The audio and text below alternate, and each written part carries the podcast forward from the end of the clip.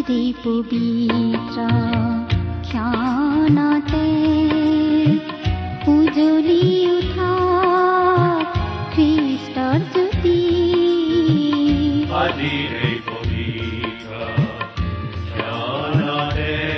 ভক্তিবচন অনুষ্ঠানৰ মজিয়ালৈ আপোনাক স্বাগতম প্ৰিয় শ্ৰোতা।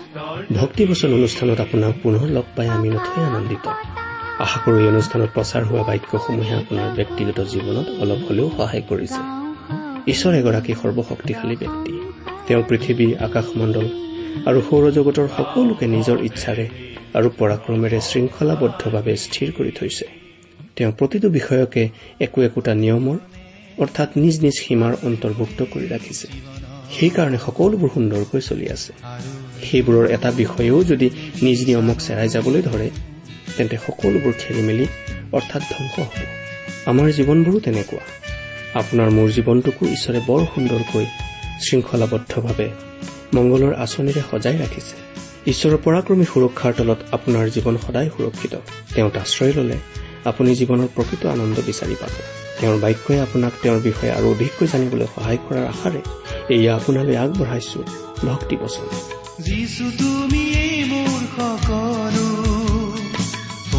তোমাতে জীৱন লভিলো।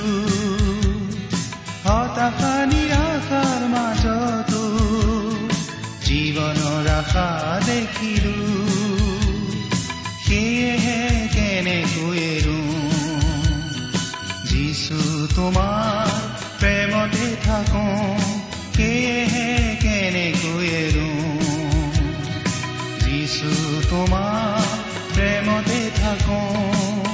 যিছু তোমাৰ অবিহনে আজি মোৰে জীৱন।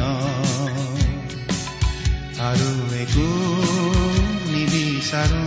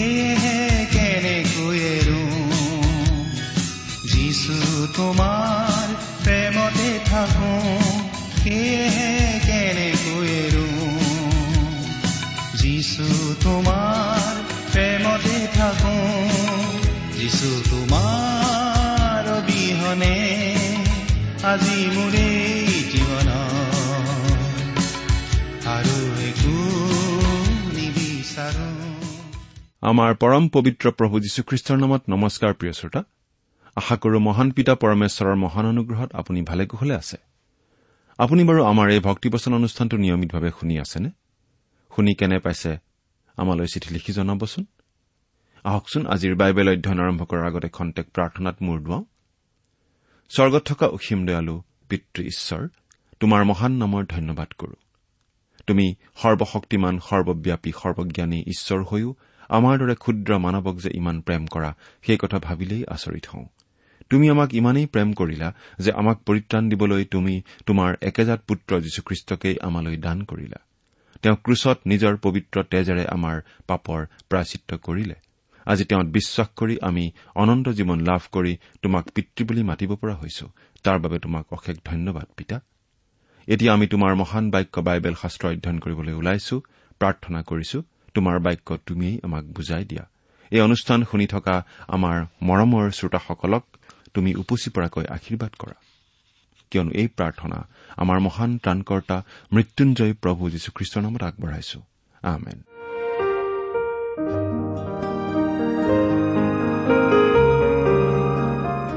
প্ৰিয় শ্ৰোতা আপুনি বাৰু আমাৰ আগৰ অনুষ্ঠানটো শুনিছিল নে আমি বাৰু কি আলোচনা কৰিছিলো আপোনাৰ মনত আছেনে? যদি আপুনি আমাৰ অনুষ্ঠানটো নিয়মিতভাৱে শুনি আছে তেনেহলে আপুনি নিশ্চয় জানে যে আমি এতিয়া বাইবেলৰ পুৰণি নিয়ম খণ্ডৰ চলোমনৰ পৰম গীত নামৰ পুস্তকখন অধ্যয়ন কৰি আছো নহয়নে বাৰু? আমাৰ আগৰ অনুষ্ঠানত আমি এই পৰম গীত পুস্তকখনৰ এক নম্বৰ অধ্যায়ৰ শেষৰটো পদলৈকে পঢ়ি আমাৰ আলোচনা আগবঢ়াইছিলো। গতিকে আজিৰ অনুষ্ঠানত আমি এই পৰম গীত পুস্তকখনৰ দুই নম্বৰ অধ্যায়ৰ এক নম্বৰ পদৰ পৰা আমাৰ আলোচনা আগবঢ়াই নিব খুজিছো। আমাৰ এই অনুষ্ঠানটো বাইবেল অধ্যয়নৰ অনুষ্ঠান গতিকে এই অনুষ্ঠানটো শুনাৰ সময়ত লগত বাইবেলখন লৈ ললে ভাল হয়। আপুনি বাৰু আপোনাৰ বাইবেলখন মেলি লৈছেনে?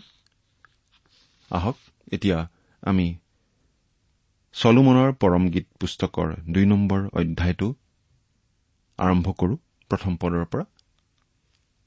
প্ৰথম পদটোত এনেদৰে লিখা আছে মই চাৰুণৰ এটি গোলাপ উপত্যকাৰ এটি কণাৰী ফুল। এইষাৰ কথা কোনে কৈছে বাৰু? চুলেমিয়া সেই ছোৱালীজনীয়ে নে সেই ছোৱালীজনীৰ প্ৰেমিক ভেড়া পালকজনে? বাইবেল শিক্ষক আৰু বাইবেল পণ্ডিতসকলৰ মাজতো এইটো বিষয়ক লৈ মতভেদ দেখা যায়। বাইবেলখনত এক নম্বৰ অধ্যায়ৰ পৰা ন নম্বৰ পদৰ পৰা আৰু দুই নম্বৰ অধ্যায়ৰ এক নম্বৰ পদলৈকে যেনেকৈ বিভক্ত কৰি দেখুওৱা হৈছে তাৰ ভিত্তিটো সঠিক ধৰিব নোৱাৰি। আচলতে এই কথাষাৰ কোনে কৈছে? কাৰণ এক নম্বৰ অধ্যায়ৰ ন নম্বৰ পদৰ পৰা দুই নম্বৰ অধ্যায়ৰ এক নম্বৰ পদলৈ এই অংশটোত চলোমন আৰু চুলেমাইটৰ কথা বতৰা বৰ্ণিত হৈছে। এজনে কোৱাৰ পাছত আনজনে কোৱা কথাখিনিৰ পম খেদি গৈ থাকিলে ধাৰণা হয় যে এই কথাষাৰ চুলেমাইটে কৈছে। অৰ্থাৎ সেই চুলেমিয়া ছোৱালীজনীয়ে কৈছে। কিন্তু কথাষাৰ চুলেমাইটৰ ক্ষেত্ৰত কোনোমতেই সংগতিপূৰ্ণ নহয়। আনহাতে সেই ভেড়াপালক ৰূপী চলোমনক যদি আমি প্ৰভু যীশুৰ ছবি বুলি ধৰো তেন্তে কথাষাৰ চলোমনে ক'ব লাগিব। কাৰণ প্ৰভু যীশুখ্ৰীষ্টৰ বিষয়ে আমি যিসকলে অধ্যয়ন কৰি তেওঁ কোৱা কথা বা তেওঁৰ জীৱন আচৰণৰ কথা জানিব পাৰিছো সেইবোৰৰ ভিত্তিত এইষাৰ কথা তেওঁৰ ক্ষেত্ৰতহে বৰ খাপ খাই পৰে। আৰু এই পৰম গীতৰ কাহিনীত চলোমন ৰজাই প্ৰভু যীশুৰ আৰু চুলেমাইতে প্ৰভু যীশুৰ বিশ্বাসী লোকসকলৰ সমষ্টি অৰ্থাৎ খ্ৰীষ্টীয় মণ্ডলীৰ প্ৰতিনিধিত্ব কৰিছে। সেইফালৰ পৰা চাবলৈ গ'লে কথাষাৰ চলোমনৰ মুখৰ পৰা ওলোৱা কথা বুলি ধৰিব পাৰি। সেই ভিত্তিতেই অধিকভাগ বাইবেল পণ্ডিত আৰু শিক্ষকসকলে এই কথাষাৰ চলোমনে কোৱা বুলি বিশ্বাস কৰে। ইয়াত প্ৰথমতে কোৱা হৈছে মই চাৰুণৰ এটি গোলাপ। প্ৰাচ্যৰ দেশসমূহত দুবিধ ফুলৰ কথা মন কৰিবলগীয়া আৰু দুইবিধৰ ভিতৰত গোলাপ ফুলৰ স্থান আটাইতকৈ ওপৰত। তাতে আকৌ চাৰুণৰ গোলাপৰ প্ৰতি বিশেষ এটা আকৰ্ষণ আছে। কাৰণ চাৰুণৰ গোলাপ ফুলবোৰ বৰ ধুনীয়া।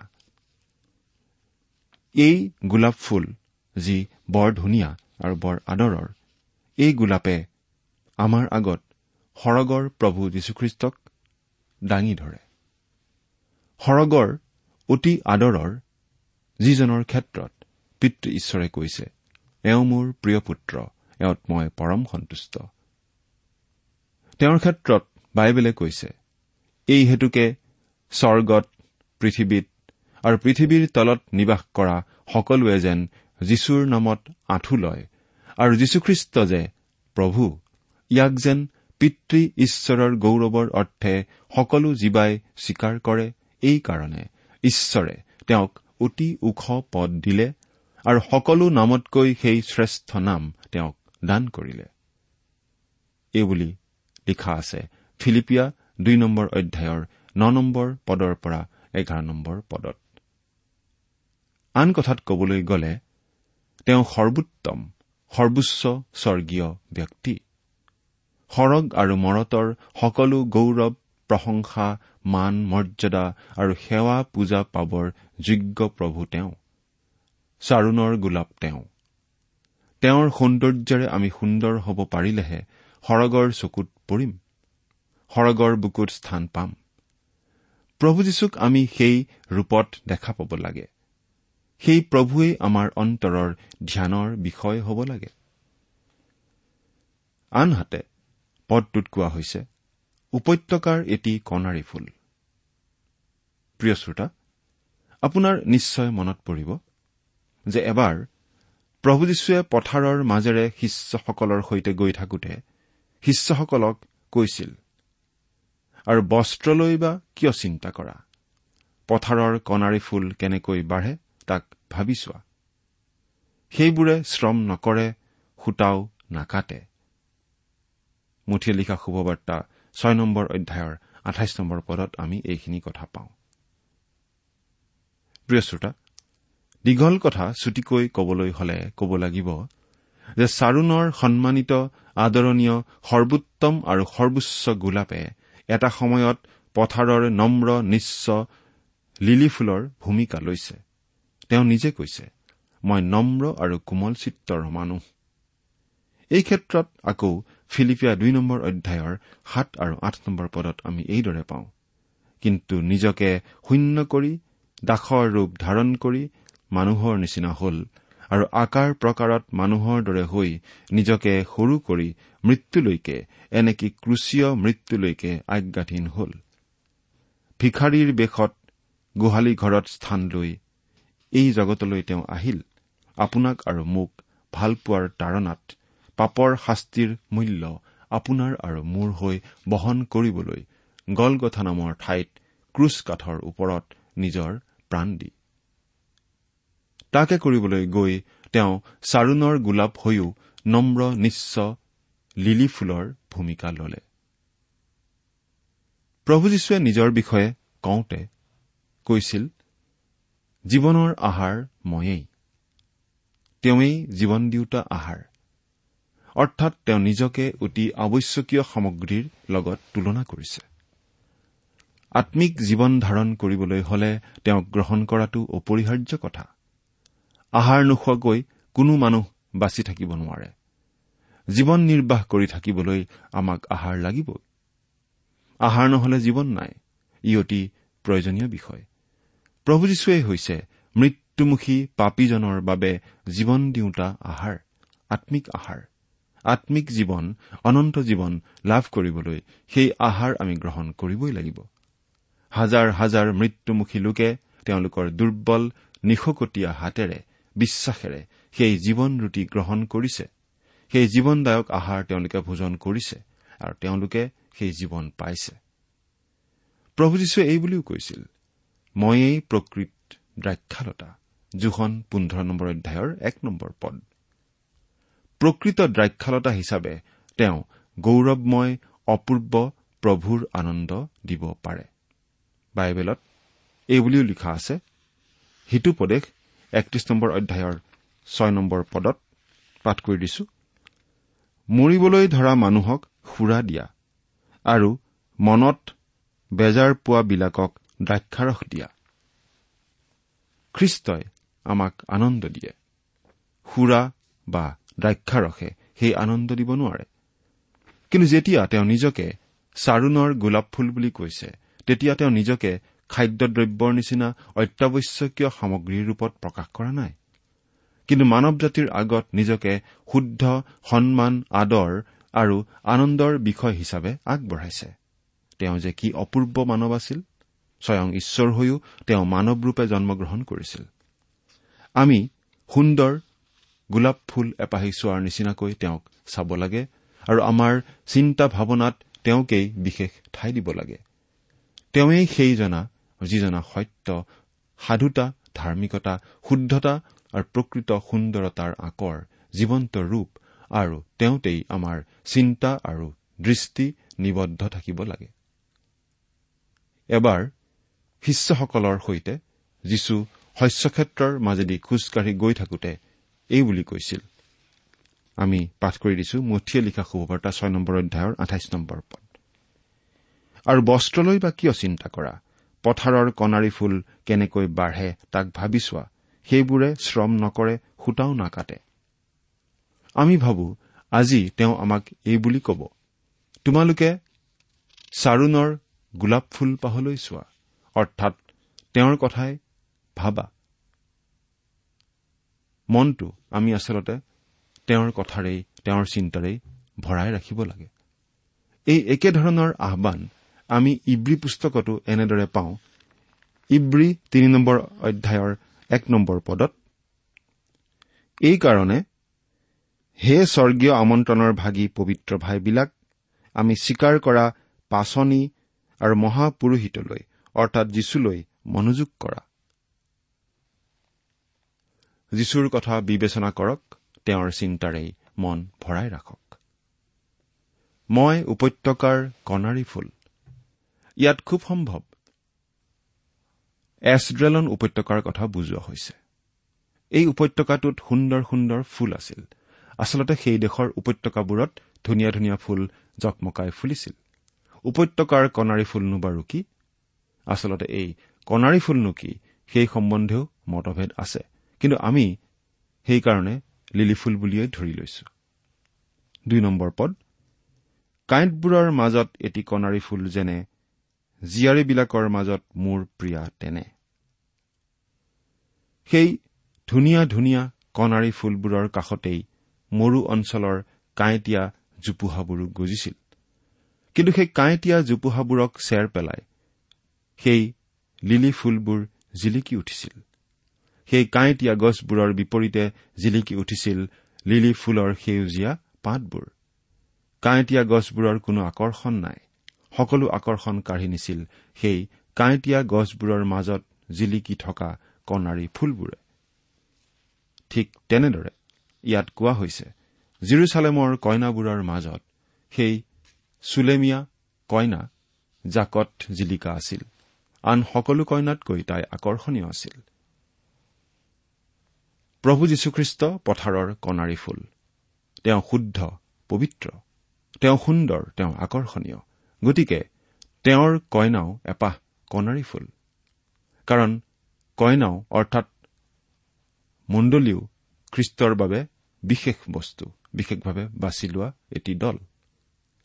কইনা অৰ্থাৎ মণ্ডলীয়ে খ্ৰীষ্টৰ সুন্দৰতা আৰু মধুৰতাৰ প্ৰতিচ্ছবি হিচাপে সেই সুন্দৰতা সেই মধুৰতা আন মানুহৰ আগত প্ৰতিফলিত কৰে। কাঁইটৰ মাজৰ সেই কণাৰী ফুলপাহো সুন্দৰী। সুবাসপূৰ্ণ সূচী আৰু নিৰ্মল নম্ৰ নিশ্চ আৰু কোমল। এই পাহ লিলি ফুলেই মণ্ডলীৰ ছবি। মণ্ডলী আজি পাপৰ কাঁইটেৰে ভৰা মন্দ জগতত আছে। কিন্তু খ্ৰীষ্টই আমাক কি কাৰণে আমন্ত্ৰণ জনাইছে? খ্ৰীষ্টীয় মণ্ডলীয়ে আজি কাঁইটীয়া বনৰূপী পাপ প্ৰভাৱৰ ওপৰত নিজৰ প্ৰভাৱ বিস্তাৰ কৰিব পাৰিছে। নিশ্চয় সেই কামটো মণ্ডলীয়ে কৰিব পাৰিছে আৰু পাৰিবও। যি মণ্ডলীয়ে ভৈয়াম থলৰ কণাৰী ফুল প্ৰভু যীশুৰ সৌন্দৰ্য সুবাস পবিত্ৰতা নম্ৰতা আৰু কোমল অন্তৰৰ দ্বাৰা প্ৰভাৱান্বিত হৈছে। মণ্ডলীয়ে আজি তাকেই কৰিব পাৰিব লাগে আৰু কম বেছি পৰিমাণে তাকেই কৰি আছে। এতিয়া আমি পাওঁ সেই চুলেমীয়া ছোৱালীজনীয়ে তাইৰ প্ৰিয় তাইৰ দৰাক প্ৰশংসা কৰাৰ কথা। দৰাক তাই কাঠনি বাৰীৰ মাজৰ সুমথিৰা টেঙাৰ গছৰ লগত তুলনা কৰিছে।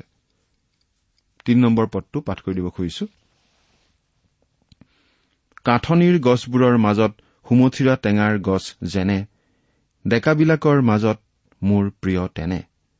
মই বৰ আনন্দেৰে তেওঁৰ ছাঁত বহো আৰু তেওঁৰ ফল মোৰ মুখত সোৱাদ লাগে। সুমথিৰা টেঙাৰ গছে দুটা কাম কৰে। ই ফল দিয়া কামটো কৰে অৰ্থাৎ মিঠা ফল দিয়ে আৰু দ্বিতীয়তে ই ছাঁও দিয়ে।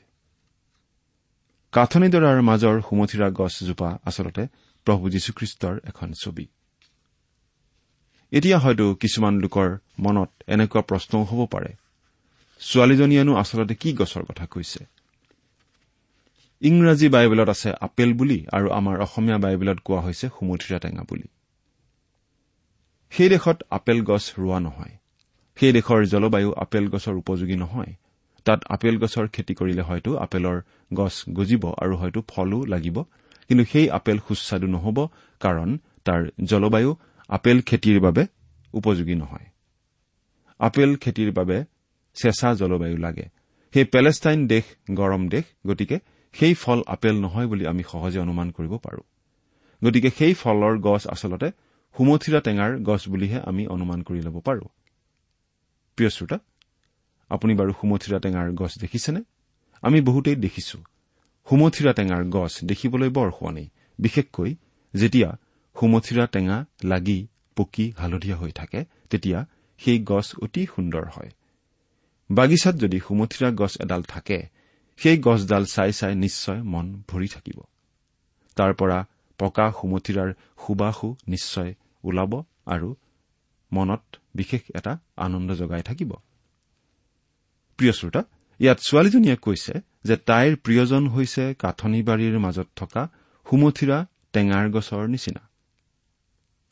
সুমথিৰাজোপা যদি ৰজা চলোমনৰ প্ৰতীক আৰু চলোমন ৰজা যদি প্ৰভু যীশুখ্ৰীষ্টৰ ছবি তেনেহলে আমাৰ প্ৰভু যীশু ফলৱান প্ৰভু। সেই প্ৰভু যীশুৱে ফলহীন ডিমৰু গছজোপাক অভিশাপ দিছিল। এই বিষয়ে আমি মাৰ্কে লিখা শুভবাৰ্তা এঘাৰ নম্বৰ অধ্যায়ৰ বাৰৰ পৰা চৈধ্য নম্বৰ পদলৈকে পাওঁ।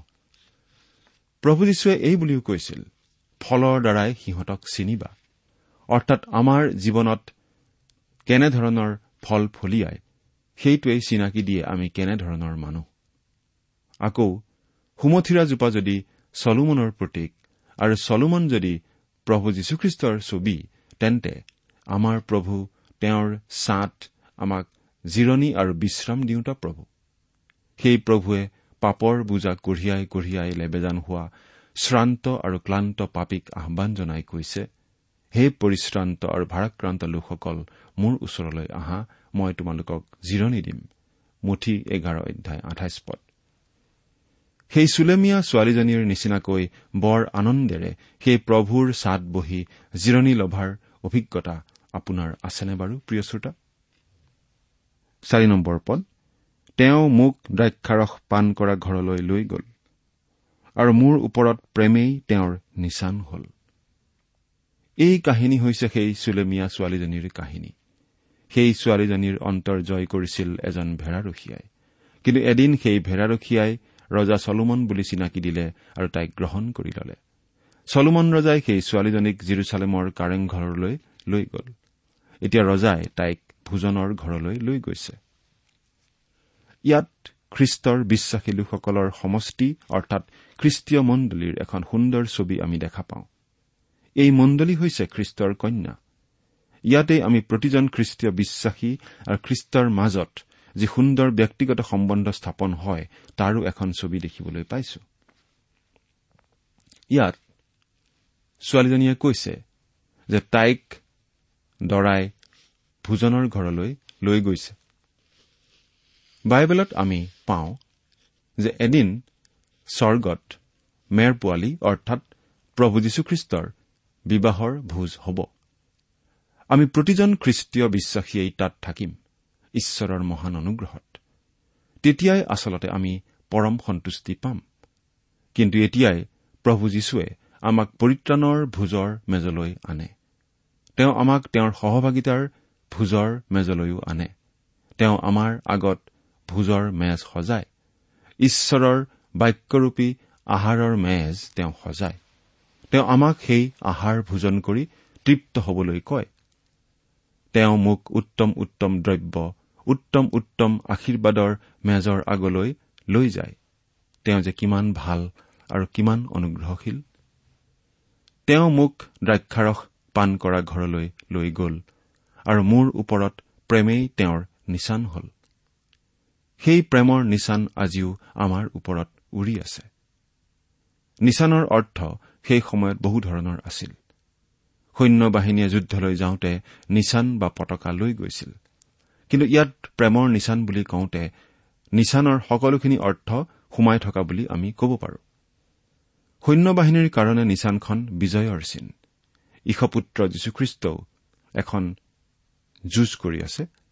মানুহৰ আত্মা জয় কৰাৰ যুঁজ। বহুতো মানুহে তেওঁৰ সেই অভিযানত বাধা দি থাকে কিন্তু যিসকল লোকে তেওঁক গ্ৰহণ কৰে সেইসকল লোকৰ আত্মা তেওঁ জয় কৰাৰ নিচিনা হয় আৰু তেওঁলোকৰ ওপৰত প্ৰভু যীশুৰ প্ৰেমৰ নিচান উৰি থাকে। নিচানে প্ৰতিৰক্ষাও বুজায়। প্ৰভু যীশু এই পৃথিৱীলৈ আহোঁতে তেওঁৰ বিষয়ে পিতৃ ঈশ্বৰে এনেদৰে ঘোষণা কৰিছিল এওঁ মোৰ প্ৰিয় পুত্ৰ এওঁত মই পৰম সন্তুষ্ট। যীশুৰ শত্ৰুবিলাকে সময় নহালৈকে যীশুৰ গাত হাত দিব পৰা নাছিল। তেওঁৰ ওপৰত প্ৰতিৰক্ষা আছিল। যেতিয়া নিৰূপণ কৰি থোৱা সময় আহিল তেতিয়াহে শত্ৰুবোৰে তেওঁক বন্দী কৰি ক্ৰুচত দিব পাৰিছিল। তেওঁ ক্ৰুচত থাকোতে শত্ৰুবোৰে তেওঁক ঠাট্টা কৰিছিল। এই বুলি মুঠিয়ে লিখা শুভবাৰ্তা সাতাইছ নম্বৰ অধ্যায়ৰ তিয়াল্লিছ নম্বৰ পদত আমি এনেদৰে পাওঁ। সি ঈশ্বৰত ভৰসা কৰিছে। ঈশ্বৰে যদি তাক ভাল পায় তেন্তে এতিয়া তাক নিস্তাৰ কৰকচোন। কিয়নো সি কৈছিল মই ঈশ্বৰৰ পুত্ৰ। কিন্তু পিতৃ ঈশ্বৰ তেওঁৰ একেজাত পুত্ৰ যীশুৰ প্ৰতি প্ৰসন্ন হৈ আছিল আৰু কবৰৰ পৰা তেওঁক পুনৰ জীয়াই তুলিছিল তিনিদিনৰ দিনাখন। অৰ্থাৎ পিতৃ ঈশ্বৰে পুত্ৰ যীশুক মৃত্যুৰ কবলৰ পৰা বচাই আনিছিল আৰু আমি সেই প্ৰতিৰক্ষা সেই সুৰক্ষাৰ নিচান সেই পৰিত্ৰাণৰ নিচান প্ৰতিজন খ্ৰীষ্টীয় বিশ্বাসীয়ে পাব পাৰো আমাৰ মূৰৰ ওপৰত। ফিলিপিয়া চাৰি নম্বৰ অধ্যায়ৰ সাত নম্বৰ পদত আমি এনেদৰে পাওঁ। তাতে সকলো বুদ্ধিতকৈ উত্তম যি ঈশ্বৰৰ শান্তি সেয়ে যীশুখ্ৰীষ্টত তোমালোকৰ হৃদয় আৰু মতিক পহৰা দিব। এৰা প্ৰিয় শ্ৰোতা খ্ৰীষ্টৰ প্ৰেমেই আমাক পহৰা দি থাকিব। খ্ৰীষ্টৰ প্ৰেমৰ প্ৰতিৰক্ষা আপুনি গ্ৰহণ কৰিছেনে? চিন্তা কৰি চাওকচোন। ঈশ্বৰে আপোনাক আশীৰ্বাদ কৰক। আমি মাথো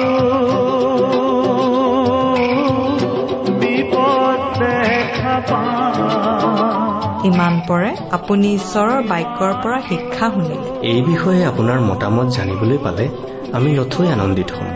আমি প্ৰস্তুত কৰা বাইবেল অধ্যয়নৰ চিডিসমূহ পাব বিচাৰিলে আৰু অনুষ্ঠানত প্ৰচাৰ কৰা কোনো কথা বুজিব লগা থাকিলেও আমালৈ লিখক। আমাৰ যোগাযোগৰ ঠিকনা ভক্তিবচন ট্ৰান্সৱৰ্ল্ড ৰেডিঅ' ইণ্ডিয়া ডাক বাকচ নম্বৰ সাত শূন্য গুৱাহাটী সাত আঠ এক শূন্য শূন্য এক। ঠিকনাটো আকৌ এবাৰ কৈছো ভক্তিবচন ট্ৰান্সৱৰ্ল্ড ৰেডিঅ' ইণ্ডিয়া ডাক বাকচ নম্বৰ সাত শূন্য গুৱাহাটী সাত আঠ এক শূন্য শূন্য এক। আমাৰ ইমেইল এড্ৰেছটো হৈছে Assamese T TV at the rate radio' eight eight two dot com আমাৰ website W W W dot T W R dot in আপুনি টেলিফোনৰ মাধ্যমেৰেও আমাক যোগাযোগ কৰিব পাৰে আমাৰ টেলিফোন নম্বৰটো হৈছে nine eight five four zero' four zero' eight eight nine phone নম্বৰটো আকৌ এবাৰ কৈছো ন আঠ পাঁচ চাৰি শূন্য চাৰি শূন্য আঠ আঠ ন আপুনি এই ভক্তিবচন অনুষ্ঠানটি আমাৰ website W W W dot radio' eight eight two dot কমতো শুনিব পাৰিব। আজিৰ অনুষ্ঠানটি ইমানতেই সামৰিছো। ঈশ্বৰৰ শান্তি আৰু অনুগ্ৰহ আপোনাৰ লগত থাকক। ধন্যবাদ।